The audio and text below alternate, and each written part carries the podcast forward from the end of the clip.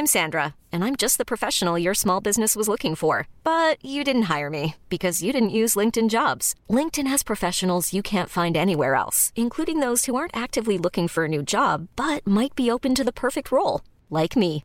In a given month, over 70% of LinkedIn users don't visit other leading job sites. So if you're not looking on LinkedIn, you'll miss out on great candidates like Sandra. Start hiring professionals like a professional. Post your free job on linkedin.com/achieve today.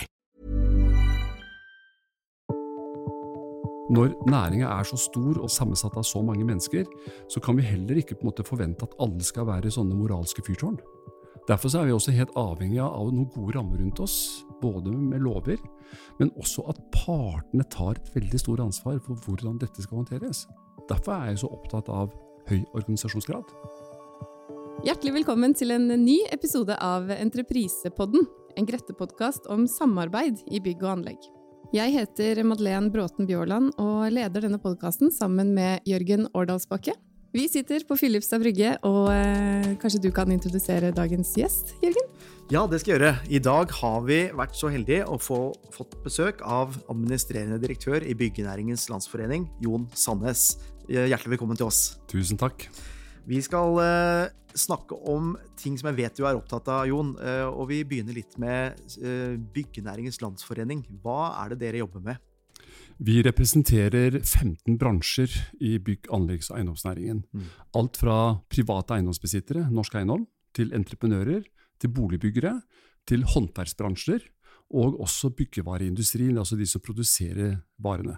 Så, så vi er da en paraplyorganisasjon i NHO-systemet, og jobber da med arbeidsgiverpolitikk og næringspolitikk på vegne av en stor næring. Dere har jo en tydelig stemme i, eh, i eh, ordskiftet i media og i andre sammenhenger. Hva er det som eh, er mest viktig for dere? Da er vi midt inne i bærekraftsdebatten. Eh, Jeg tror at eh, i en nasjon som Norge og den næringa vi representerer, så er eh, Jeg vil gå rett på bærekraftsmål nummer åtte. ved å ha et anstendig arbeidsliv. Det er så grunnleggende for å kunne ta ut effekten av det, de forventningene man har fra samfunnet overfor vår næring på bærekraft, at det må være på plass. At folk må oppleve at de har trygge arbeidsplasser, at de har rammer for å kunne levere det man forventer. Så det, det er noe, noe jeg brenner for. Og det leser vi jo faktisk i media nå om dagen, at det er ikke en selvfølge å ha, det, ha en trygg arbeidsplass, og heller ikke ha det trygt på arbeidsplassen sin. Nei, på ingen måte. Eh, Det der er jo en eh, kamp eh, som man aldri må slappe av på. Vårt budskap er at bedrifter og ansatte har høy gard hele tida. For det vi ser også, er at når man tar tiltak som da også fungerer, så ser vi at dette flytter seg til andre steder hvor det da ikke er limelight på. Så, så dette er en evigvarende kamp. Eh, Dessverre. Mm. Si litt om eh, de viktige tingene der. En ting er jo, som jeg vet du og, og, og- din forening har vært eh, opptatt av, er dette med lønns- og arbeidsvilkår. Altså rett og slett få en fair lønn for det arbeidet man gjør. Og ikke minst også med aktører som kanskje ikke er villige til å være med på det. Altså BNL vi er jo en av partene sett i forhold til byggeoverenskomsten og byggevareindustri og anlegg og drift og vedlikehold, også på anlegg.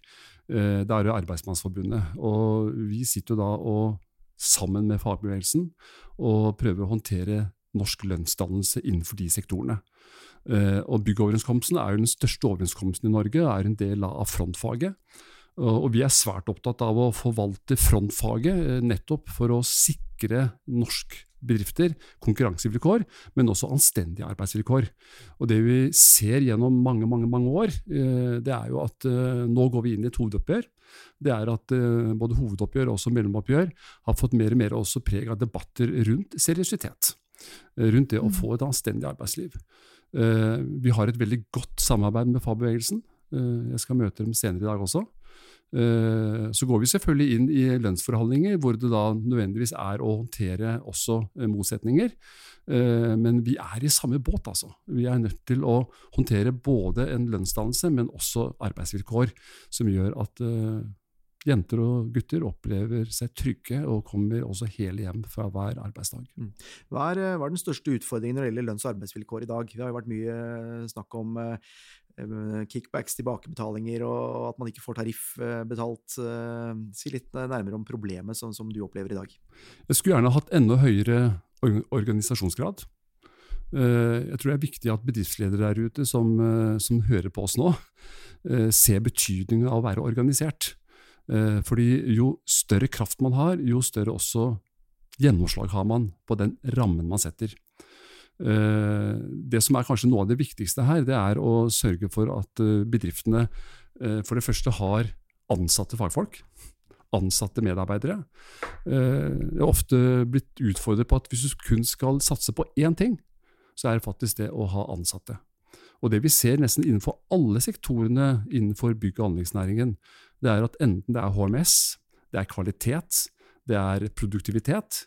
Når du har ansatte i bedriften din, så kommer du stort sett best ut hele veien. Også på marginsiden. Jeg har bare lyst til å ta et lite eksempel. Eh, eh, vi sitter på mye empiri. Eh, hvis du tar og måler HMS-hendelser og sier at nullpunktet er egne ansatte, og så begynner du å se hva som skjer når du rigger prosjektene annerledes Bare ved å bruke underentreprenør så dobler du risikoen din på HMS. Hvis du bruker innleie, så fireganger du risikoen din. Og Noe av det mest kritiske er å ha lærlinger. Du fem ganger risikoen. Men lærlinger skal vi ha, og må vi ha. Så det er bare å fortelle deg, Da må du ha systemer for å håndtere det, slik at de er hele på arbeidsplassen hele dagen. Men det forteller noe om at det, det å ha fast ansatte, det er lønnsomt, det er produktivt, leverer god kvalitet, og så blir det trivsel. Er det fordi man jobber sammen, trener sammen og, og opparbeider seg denne økte kompetansen hver dag sammen? Ja, ja, vet du, altså bygging, hva er det for noe? Eh, bygging er jo egentlig å integrere forskjellige fag til å skape et produkt. Eh, bare i Norge så har vi 26 forskjellige fag og svennebrev.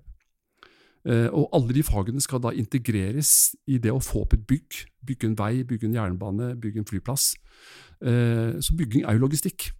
Og Det betyr at eh, når du da skal levere det med kvalitet, og vi ser at kompleksiteten bare øker og øker, teknologien endres slik at du skal implementere nye ting, det betyr at det å satse på å levere kompleksitet med stadig nye team, det er ingen god vinnermiks, altså.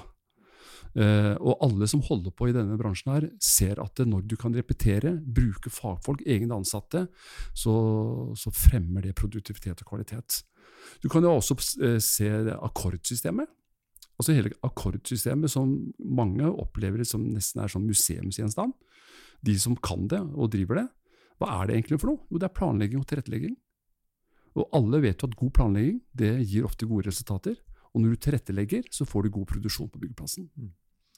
Si litt om uh, de norske uh, Man er jo norske selskapene i konkurransen med utenlandske. Vi ser jo det er jo en økt grad av utenlandske aktører, både i, i hovedentreprenørleddet, men ikke minst også som underentreprenører. Hva er det det har å si for situasjonen i bygg og anlegg i dag, for de forholdene du er opptatt av?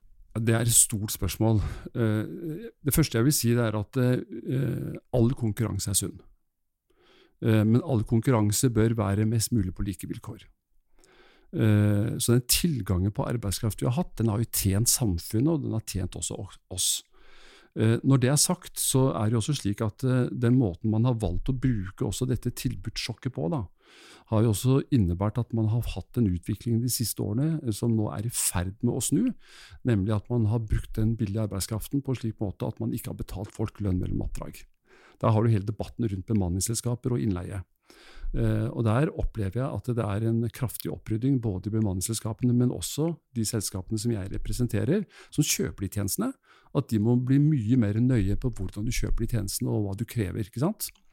Uh, så, så, den tilgangen den kan være veldig god. Nå er jo innvandringen mye lavere. Så nå handler det mer om hvordan bedriftene skal kunne greie å rike seg slik at du tiltrekker deg eh, de beste hele tida. Jeg kunne tenke meg at du eh, sa litt mer om dette med anstendig arbeidsliv, for det var så innmari fint begrep. Uh, anstendig arbeidsliv det handler først og fremst om uh, å Punkt én, noe som alle i og for seg tar for gitt, men som ikke alle gjør, dessverre, det er å følge spillereglene og lovverket. Det er det ene. Uh, men så handler det om å ha en bedriftskultur, tenker jeg, som gjør at du, skjønner hva er det som er med på å skape denne bedriften verdi. Det er de ansatte. Det er den største verdien du har. Uh, og alle som har med mennesker å gjøre, skjønner at når det er disse som skal levere den produktiviteten som ditt selskap skal hente avkastning fra, hvordan behandler du dem? Hvordan lønner du dem? Og hvordan håndterer du dem på en måte som mennesker? Så jeg tenker at det, det, er jo på en måte summen av hvordan du ønsker å ha kulturen din, som på en måte er med å skape den anstendigheten. Men så er det også slik at når næringa er så stor og så sammensatt av så mange mennesker, så kan vi heller ikke på en måte forvente at alle skal være sånne moralske fyrtårn. Derfor er vi også helt avhengig av noen gode rammer rundt oss, både med lover, men også at partene tar et veldig stort ansvar for hvordan dette skal håndteres. Derfor er jeg så opptatt av høy organisasjonsgrad. Vi i BNL vi utfordret oss selv for ca. syv–åtte år siden, når vi begynte å se at tilgangen på billig arbeidskraft var i ferd med å ikke være bærekraftig, sett i forhold til et langt perspektiv. Eh, både av hensyn til bedriftens bunnlinje, men også av hensyn til den enkelte ansatte. Det å sitte på benken og vente på en telefon, og ha et oppdrag kanskje for én dag, er det anstendig? Hvis du ønsker å stifte familie, kjøpe bil, kjøpe leilighet, ta på deg forpliktelser? Nei, det er ikke anstendig. Man må kunne tilby folk et arbeid som gjør at de kan ha et liv utenfor også jobben. Det handler om anstendighet. Da satte vi oss ned og utfordret oss hva skal være våre kjerneverdier og vi endte opp med fire. Og Det ene var, som jeg nevnte så vidt i stad, vi må ha en forvaltning av frontfagsmodellen. og Det betyr at industrien går i front, og byggenæringa kommer rett etterpå og på en måte setter rammen for norsk lønnsdannelse. Men også setter sammen med fagbevegelsen rammene for et anstendig arbeidsliv. Det er én stolpe. Eh, og Den andre stolpen eh, det er fast ansettelser så skjønner i og for seg alle at byggenæringa som er så prosjektorientert og konjunkturutsatt, kan ikke sitte og bemanne opp til toppene.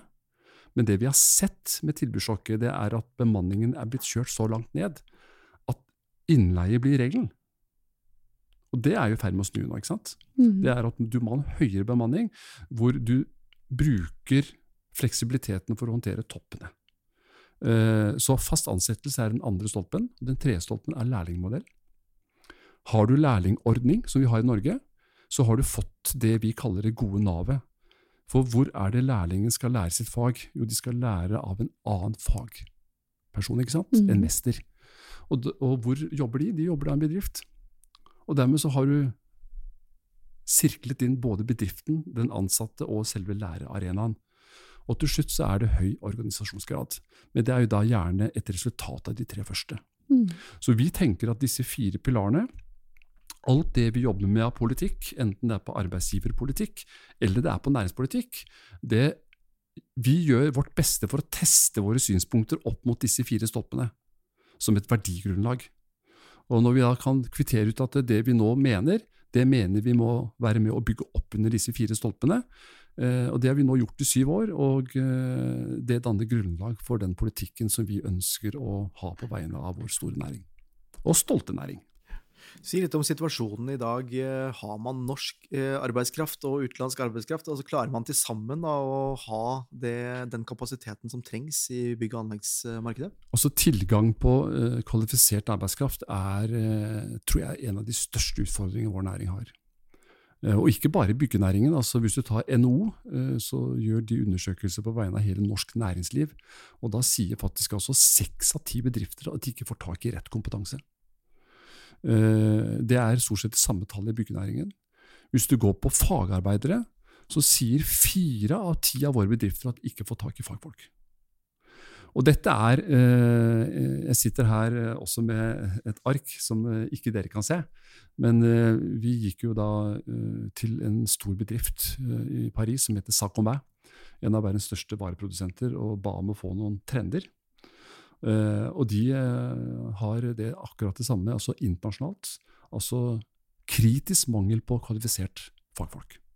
Det er en internasjonal trend, og vi ser den også i Norge. Kan man gjøre bygg- og anleggsnæringen mer attraktiv for fagarbeiderne, slik at flere søker seg i den retningen? Uh, jeg sa stolt næring. Altså, nå snakker vi mye om ting som er vanskelig og problematisk. I utgangspunktet så er vi jo en næring i et evighetsperspektiv.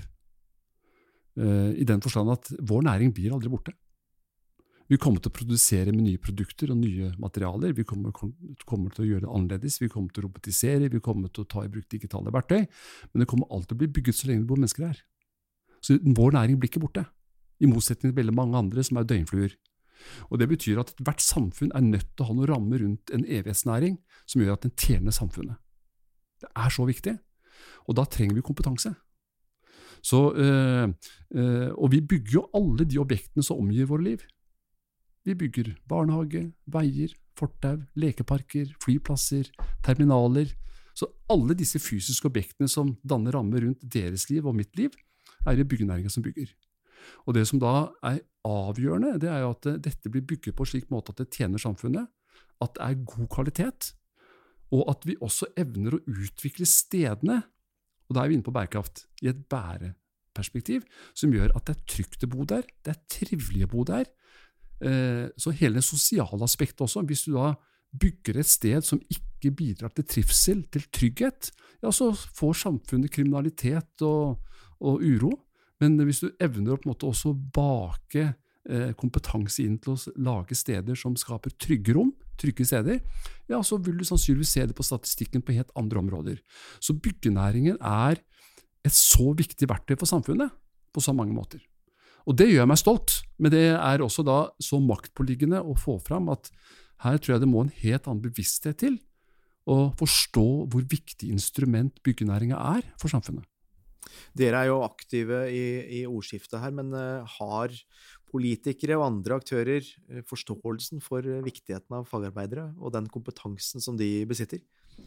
Jeg har lyst til å gi ros til politikerne når det gjelder forståelsen av å både øke forståelsen og viktigheten av å få fagarbeidere. Vi ser i det politiske ordskiftet at den er blitt mye mer tydelig. Men fortsatt så gjenstår det jo at det materialiserer seg i en riktig god politikk. Eh, men jeg opplever som sagt at politikerne skjønner betydningen av at vi må satse mer på eh, mesterutdanning og fagutdanning, og ikke bare på mastere. Eh, så kan det fort bli en floskel, men det er helt nødvendig å satse på det. fordi i møte med ny teknologi, i møte med digitale løsninger, i møte med roboter, så er jo slik at selv med kunstig intelligens så må jo noen vite hvordan den ferdigheten skal gjøres. Og selv om du flytter mer og mer, tror jeg, produksjon offsite eh, Det skal komme litt tilbake til etterpå, eh, nettopp i det bæreperspektivet at du ønsker da kanskje fossilfrie byggeplasser, du ønsker mindre avfall på byggeplassene. Hvordan skal du møte en sånn forventning? Og Vi sitter nå i en kommune som har en forventning om disse tingene innen 2025.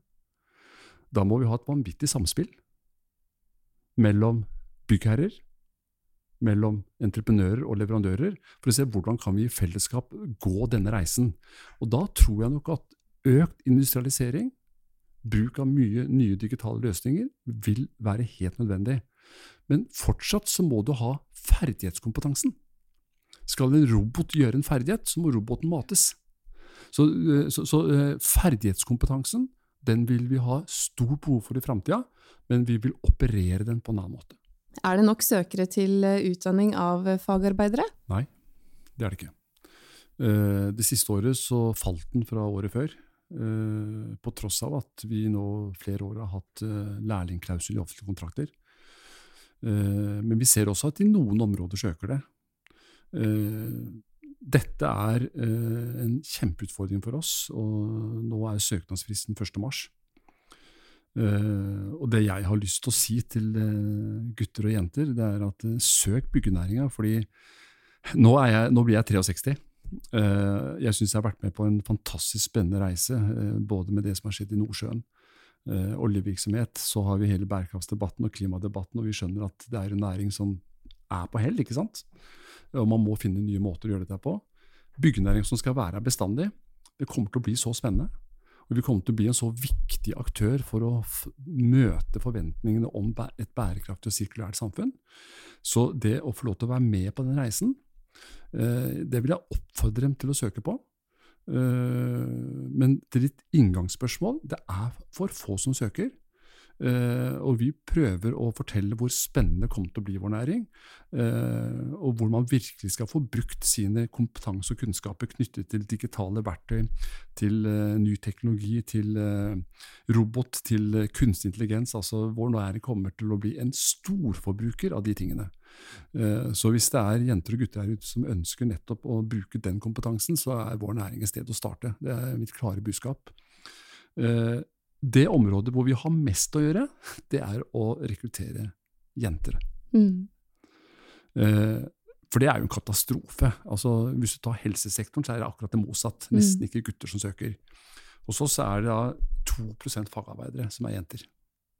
Ja, vi hadde, jo, eh, vi hadde jo Meta Leonardsen fra Mesta i vår forrige episode om kvinner i bygg og anlegg. Så um, dette er jo superaktuelt veldig aktuelt. Og ikke minst også, vår næring har ikke råd til å, å bare rekruttere fra halvparten av befolkningen. Eh, og jeg nevnte i stad også dette med å skape steder som er trygge og trivelige å bo i. Vi skal også ha bygg som er trivelige og gode å bo i. Eh, eh, og så skal da bare mannfolk være med å forme, forme dette. Bare i gåseøynene. For planleggingssida så er det flere kvinner med, men vi er nødt til å, å ha talenter fra hele befolkningen til å være med på å forme det samfunnet som omgir våre liv. Og det er det vi leverer. Så øh, min oppfordring til dere jenter er å søke. Men så må vi som næring også ta veldig på alvor at vi må fjerne en del hindre. Mm. det handler om språk, det handler om måten man opptrer på, det handler om kultur.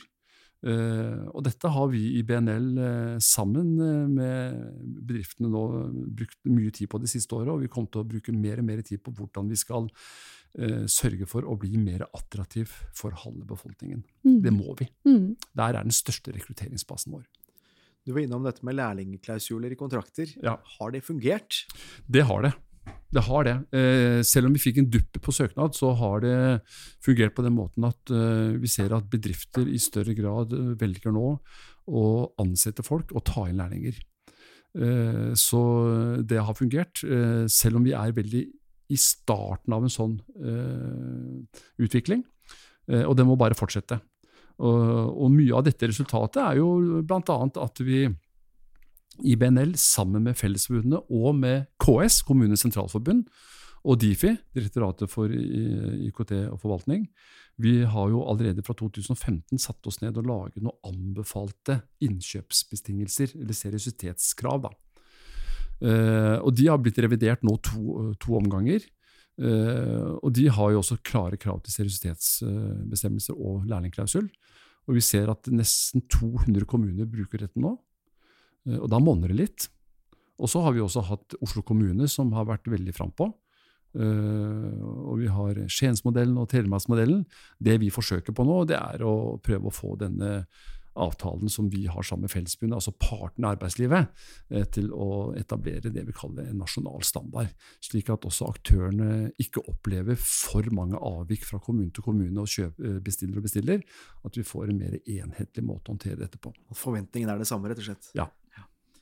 Jon, jeg vet du er opptatt av eh, store kontrakter. Vi ser jo nå eh, innenfor både bygg, eh, men også ikke minst på anleggssektoren, store kontrakter og på en størrelse som vi kanskje ikke drømte om engang for bare noen år tilbake. Hva preger det? Hva gjør det med norsk virksomhet?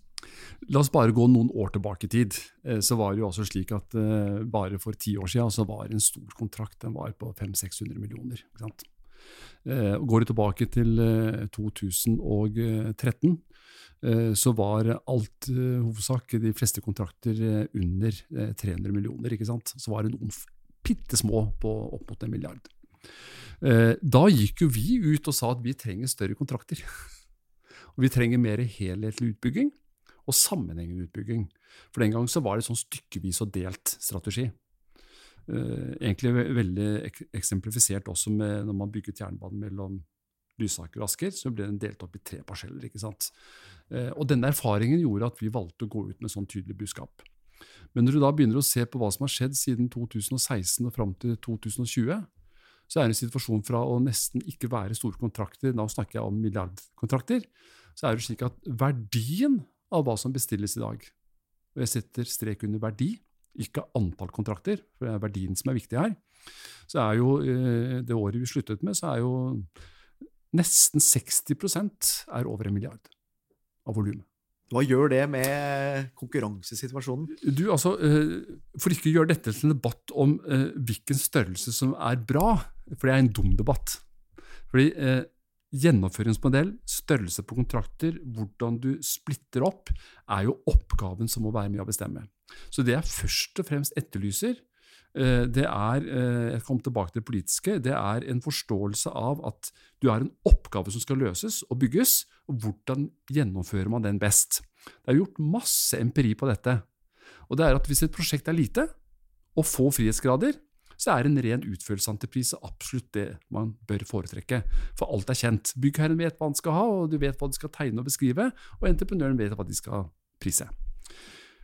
Jo flere frihetsgrader og jo større, så viser empiri at totalentrepriser er godt egnet. Og hvis det virkelig er gigantiske prosjekter, så er det funksjonskontrakter eh, som er egnet. Så Det betyr at du har en verktøykasse og det som da skjer når du bruker en verktøykasse for å håndtere få frihetsgrader og små prosjekter, når du bruker den verktøykassa på å løse gigantiske prosjekter, så skjer det noe. Og når det skjer så fort, så er den erfaringa som jeg ser i markedet, det er at eh, kompetansen på byggherresiden og kompetansen på leverandørsiden, den er ikke tilstrekkelig god nok for å håndtere den risikoen du påtar deg når du plutselig sitter med en kontrakt på 4 milliarder. For det der er en øvelse. Jeg skal prøve å ta bare ett eksempel som illustrerer dette.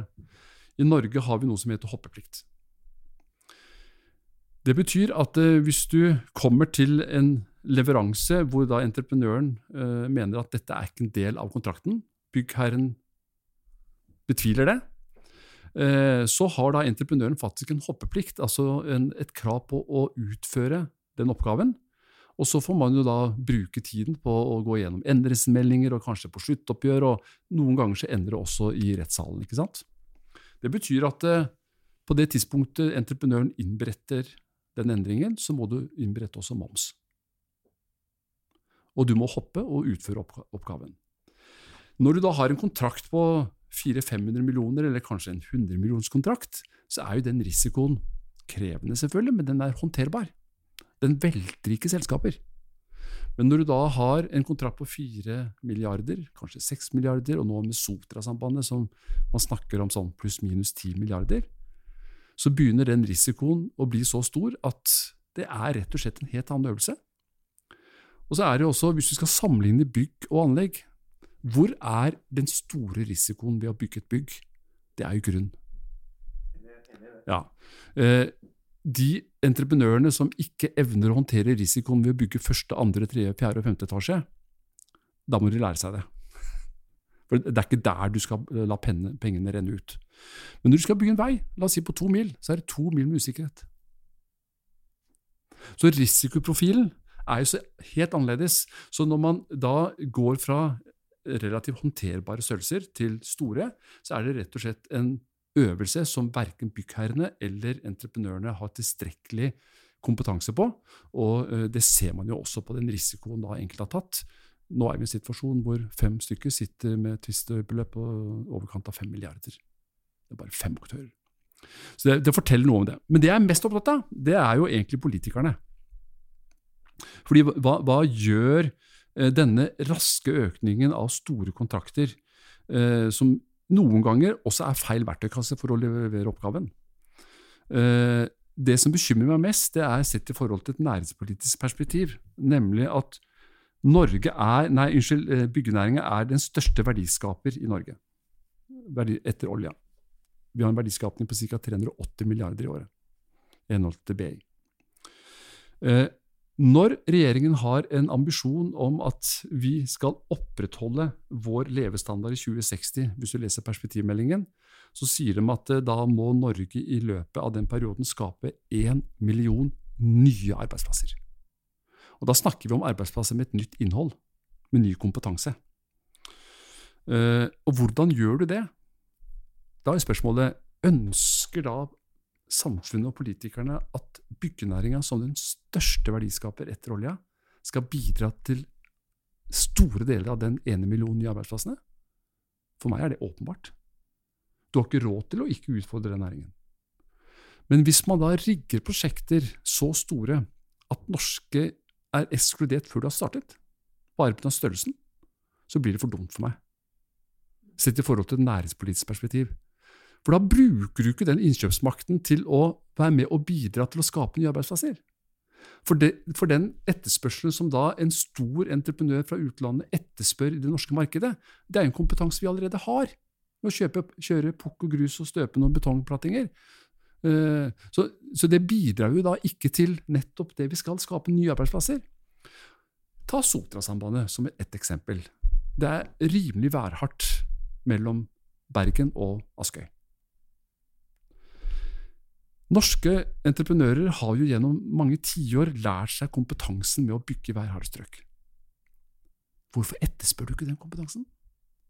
Er det ikke smart at den kompetansen som vi allerede har, kan forvaltes slik at den blir enda bedre, og at den kompetansen vi sitter igjen med når et sånt prosjekt er ferdig, kan brukes til å eksportere til utlandet, istedenfor å gi den kompetansen til en som er fra uten, på utsida, og som vil sannsynligvis også forlate Norge den dagen vi ikke skal bygge så mye. Så Det jeg etterlyser fra politikerne, det er et helt annen næringspolitisk ambisjon på vår næring. Og Derfor så er jeg mer opptatt av dems ansvar på hvordan så mye innkjøp, ambisjoner om å bruke nesten 1000 milliarder på tolv år, er mye. Det må skape arbeidsplasser, og det må skape nye arbeidsplasser. Så den næringspolitiske dimensjonen, den etterlyser jeg. Mm. Og da snakker du om politikerne, rett og slett? Ja, jeg gjør det. Ja, ja, ja, de, de må ha en helt annen bevissthet. Og Det betyr at den bestillinga som kommer fra storting og regjering, den er nødt til å være mye tydeligere overfor etatene. For etatene de gjør jo det de, de får et tildelingsbrev. Men hvis det tildelingsbrevet er tydelig på også denne dimensjonen, ja, da må de også ta hensyn til det. Det er viktig budskap du kommer med, med nå, Jon. Eh, er dette forstått blant politikere og andre? Jeg tror jeg vil si eh, nei foreløpig, ellers så hadde vi jo sett andre tildelingsbrev. Eh, ja, unnskyld. Jeg opplever jo at noen politikere har åpenbart skjønt det. Men det, dette er noe av det som jeg ser på som min viktigste misjon som leder av BNL sett i forhold til eh, det at vi er eh, Norges største verdiskaper etter olja, det er nettopp at vi må brukes til å skape nye arbeidsplasser. Og da må du ha en helt annen bevissthet på det næringspolitiske. Altså, Vi bør ikke gå lenger tilbake enn til olja. Jeg tror mange i Norge satt og så på den TV-serien. Og, og eh, Norge hadde jo ikke vært der vi var i dag uten at du hadde hatt modige politikere som så det næringspolitiske perspektivet på at vi skulle skaffe oss en, en, en, industri. Og bare se langs vestlandskysten, da, den industrien som har vokst opp som følge av oljenæringen, så er det en næring som sakte, men sikkert skal gå nedover. Nå må vi da bruke sånne muligheter. Du skal bruke 1000 milliarder der, og skal ikke det brukes? Skal det bare brukes til å bygge vei og jernbane? Nei, det skal brukes til å sette oss i en eksportsituasjon hvor vi eksporterer løsninger med å bygge i klimaharde strøk.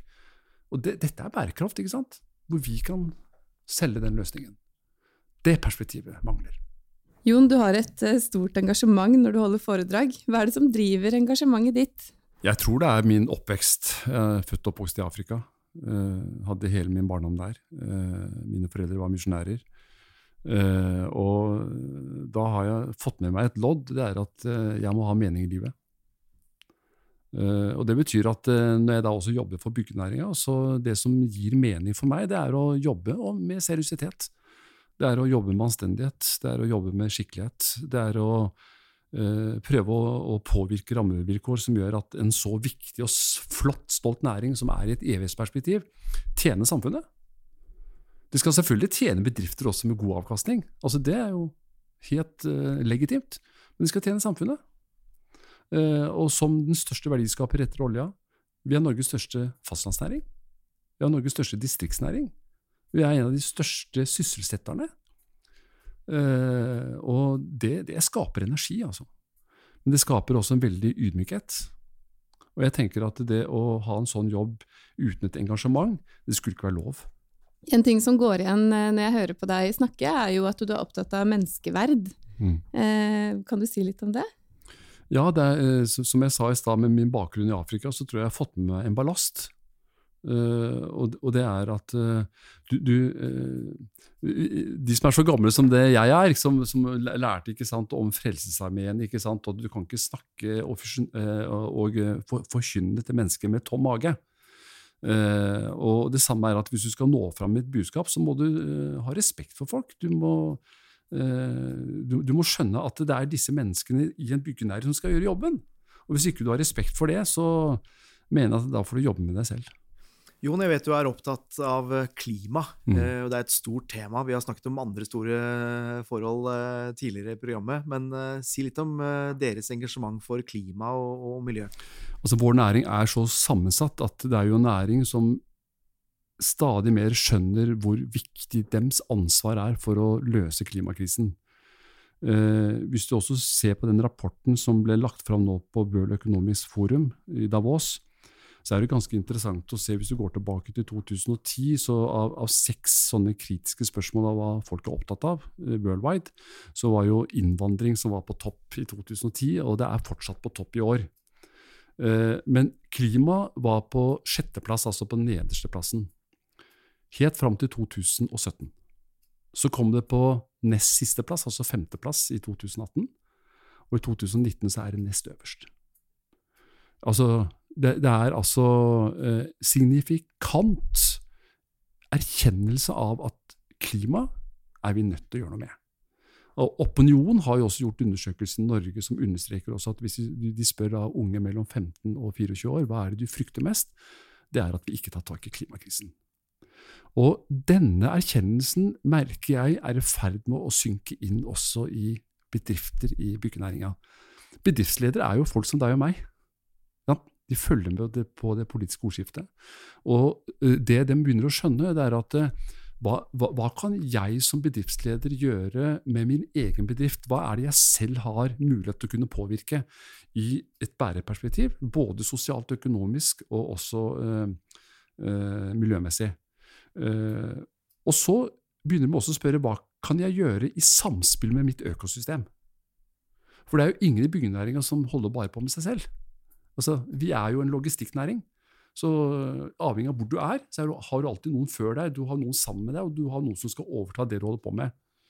Så det, det å se på det økosystemet Men det jeg også registrerer, det er en stadig økende eh, press på oss som jobber med rammevilkår. Hvilke råd har dere til oss som bedrifter? Hva er det vi bør prioritere? Og, og, da begynner det å bli vanskelig for oss, rett og slett. Eh, hvis du da ser på disse 17 bærekraftsmålene, hvor 17 er selve strategien, nemlig samarbeid. Hvor begynner bedriftene? Da tror jeg nok at det å dvele rundt hva vår byggenæring egentlig er for noe Nesten alt det vi produserer, er jo et resultat av at en bedrift skal vinne et anbud. Så Det betyr at det å forstå den mekanismen i forhold til mange andre næringer, det er viktig. Hvis du tar SSB strukturstatistikk, eh, så er jo i fjor så ble det utført for ca. 600 milliarder. Og når det er et resultat av å vinne et anbud, da betyr det at måten du kjøper tjenestene inn på, er jo helt drivende for hva du får ut i andre enden. Jeg pleier å fleipe med å si at hvis du ønsker et rødt kjøkken, så må du ikke bli overrasket hvis du ikke får det og ikke har spurt om det. Så hvis du ønsker å gå på stigen med å bli mer bærekraftig, begynne å jobbe med sirkulær økonomi, så, så må innkjøpsmakten brukes klokt. Så klima må være en del av bestillingen? Ja, ja, ja det, det, er helt nødt til å være det. Eh, for tre dager siden så var jeg og møtte uh, utleieselskaper. Uh, og jeg gikk forbi nå den grønneste byggeplassen som er i Norge, altså Håkon Sjunes gate. Uh, og Oslo kommune har jo som sagt en ambisjon om å ha da fossilfrie byggeplasser, og etter hvert så vil det bli også krav om utslippsfrie. Det er en helt annen øvelse. Uh, men hvordan gjør man da det, uh, når det er for det første såpass få elektriske gravemaskiner? De er mye dyrere. samspill, samspill, samspill. Det er den tette dialogen mellom politiske ambisjoner, mellom byggherren og eh, entreprenørene og leverandørene, og da, eh, hvis du bruker da innenfor utleiemaskiner, også produsentene. Eh, at man får et tett samspill som gjør at man ikke liksom setter kravet her, for da kan du ikke levere. Men du må på en måte sette ambisjonen såpass tøft at mange må lene seg kraftig forover. Det er viktig. Eh, så det å få til det samspillet der, det begynner flere og flere å se er helt nødvendig. Eh, hvis vi også skal få til f.eks. avfallsfrie byggeplasser Første gang jeg hørte om det, så begynte jeg å le. Men så tenkte jeg at det skal jeg slutte med. Eh, hvordan kan vi få til det? Det er at Du får ikke til 100% med en gang, men altså må, da må du begynne å tenke produksjon. Og så må du satse på kompetanse. Hvordan skal du da begynne å bevege deg i den retningen, slik at vi greier å ta tak i dette? Fordi at byggenæringa er jo worldwide, så kalles vi jo 40 %-næringen. Altså at vi står for 40% av materialbruk, 40% av energibruken og 40% av alt avfall som skapes. Nå er de tallene mye bedre i Norge, for vi har jobbet mye med, særlig med avfall. Eh, men det betyr allikevel at vi har mye å ta tak i. Så dette brenner jeg for. Eh, eh, det sirkulære så er det jo kanskje spesielt to akser, vil jeg si. For det ene er hvis du skal gjenbruke materialer i det som vi allerede har bygget, så er jo noe av utfordringen at sånn som rammeverket er satt opp, så kreves det samme dokumentasjon for brukte materialer som for nye. Og når veldig mye av det som er bygget, ikke da er digitalt registrert, så du kjenner rett og slett ikke produktegenskapene til alt, så er jo det en øvelse som er veldig vanskelig. Så da må vi i fellesskap med myndighetene og EU, som er driveren her, se på rammeverket. Hvordan du skal løse det. Men så er det hva med det vi bygger nå og fremover? Og Da ser vi nå at aktører i byggenæringa, bl.a. sånn som boligprodusentene, har nå gått ut og sagt at nei, innen 1.1.2023 så krever vi av alle våre leverandører at alle materialer skal være maskinlesbare digitalt. Det er tøft. Da begynner du å bruke innkjøpsmakt. Så, men så blir det spennende å se hvordan leverandørene greier å svare opp dette. da. Men, hvis, øh, men vi skal komme dit, nemlig at nye produkter i nye bygg så skal du ha en produktdataegenskap for alt digitalt, som gjør at du vet hva du putter inn i bygget, og da er det mye lettere å vite hva du kan gjenbruke den dagen du har behov for det. Igjen kompetanse og samarbeid, da. Ja, ja og, og, her har jeg lyst til å slå et slag for fagarbeideren. For hvis du, tar, hvis du skal bruke, gjenbruke, altså sirkulært gjenbruke på det du allerede har bygget, da ser jeg ikke så veldig mye på det bygget vi sitter i nå, men hvis du da tar eh, norsk eh, bygg, da, så er det jo veldig mye enebolig, rekkehus og mye i tre. og skal du da gjenbruke en bjelke, eller du skal gjenbruke sånt, så hvem er bedre til å vurdere om du kan bruke det på nytt igjen enn en fagarbeider? Så jeg tror det er viktig å, å spille på lag med fagarbeideren. altså.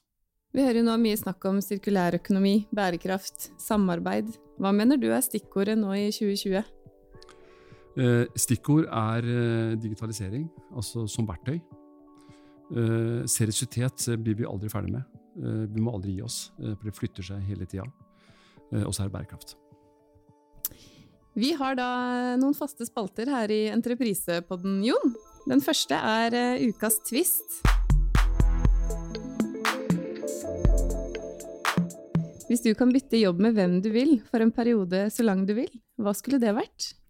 Ja, det er helt klart. Eh, da ville jeg reist tilbake til Afrika. Og så ville jeg jobbet eh, for folk der. Vi har også en eh, fast spalte som heter Ukas drømmeprosjekt.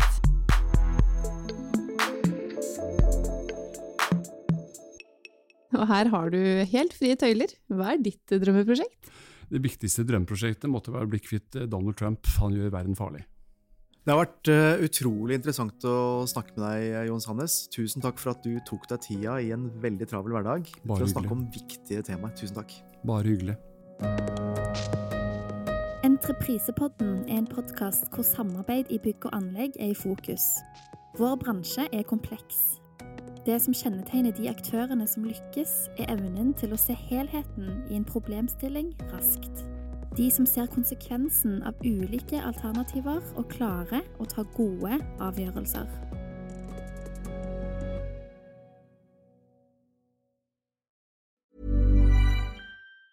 Ever catch yourself eating the same flavorless dinner three days in a row? Dreaming of something better? Well, HelloFresh is your guilt-free dream come true, baby. It's me, Kiki Palmer. Let's wake up those taste buds with hot, juicy pecan crusted chicken or garlic butter shrimp scampi. Mm. Hello Fresh. Stop dreaming of all the delicious possibilities and dig in at HelloFresh.com. Let's get this dinner party started.